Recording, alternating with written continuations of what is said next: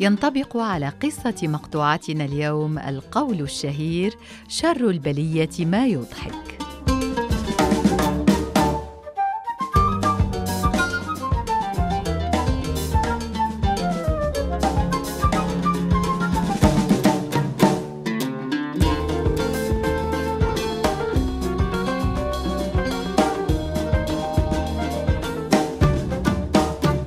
ترتبط مقطوعتنا اليوم لاتين دانس بمباراة كانت الأسخف في تاريخ كرة القدم على حد وصف كارلوس كاسيلي أسطورة منتخب تشيلي.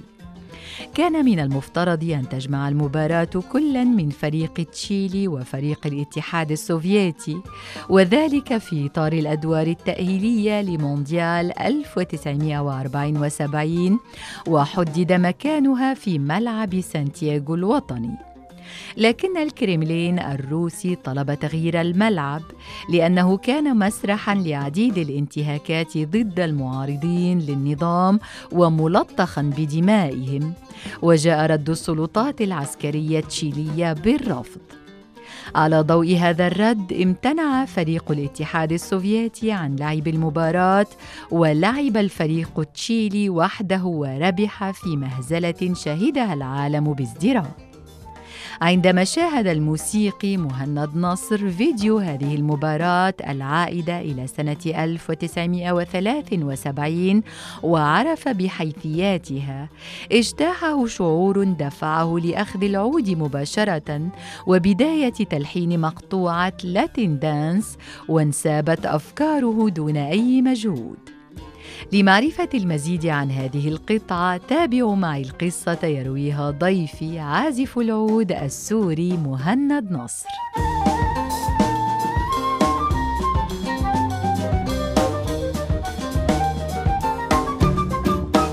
لاتن دانس هي قطعة موسيقية كتبتها عام 2015 في سوريا الدافع يلي خلاني أكتب هاي القطعة الموسيقية هو إنه مرة شاهدت مقطع فيديو لمباراة كرة قدم بين فريق تشيلي وفريق الاتحاد السوفيتي وكانت بمشاركة فريق واحد على أرض الملعب اللي هو فريق تشيلي.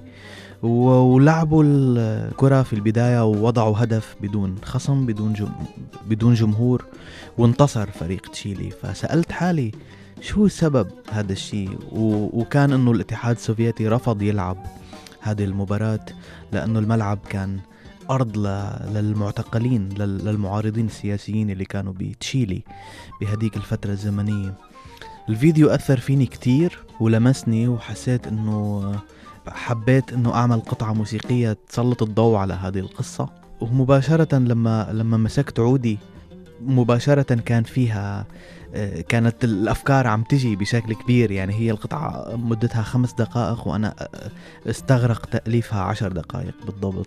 آه، روح الموسيقى اللاتينية هي حاضرة في هذه القطعة. قمت بتسجيلها بالألبوم الماضي يلي اسمه رقص الخيال مع فرقة أومي انسامبل وعملنا لها توزيع هو توزيع آه، يمزج الموسيقى العربية بالموسيقى اللاتينية آه، بمشاركة موسيقيين من جنسيات مختلفة وكلهم من من فرقة أومي انسامبل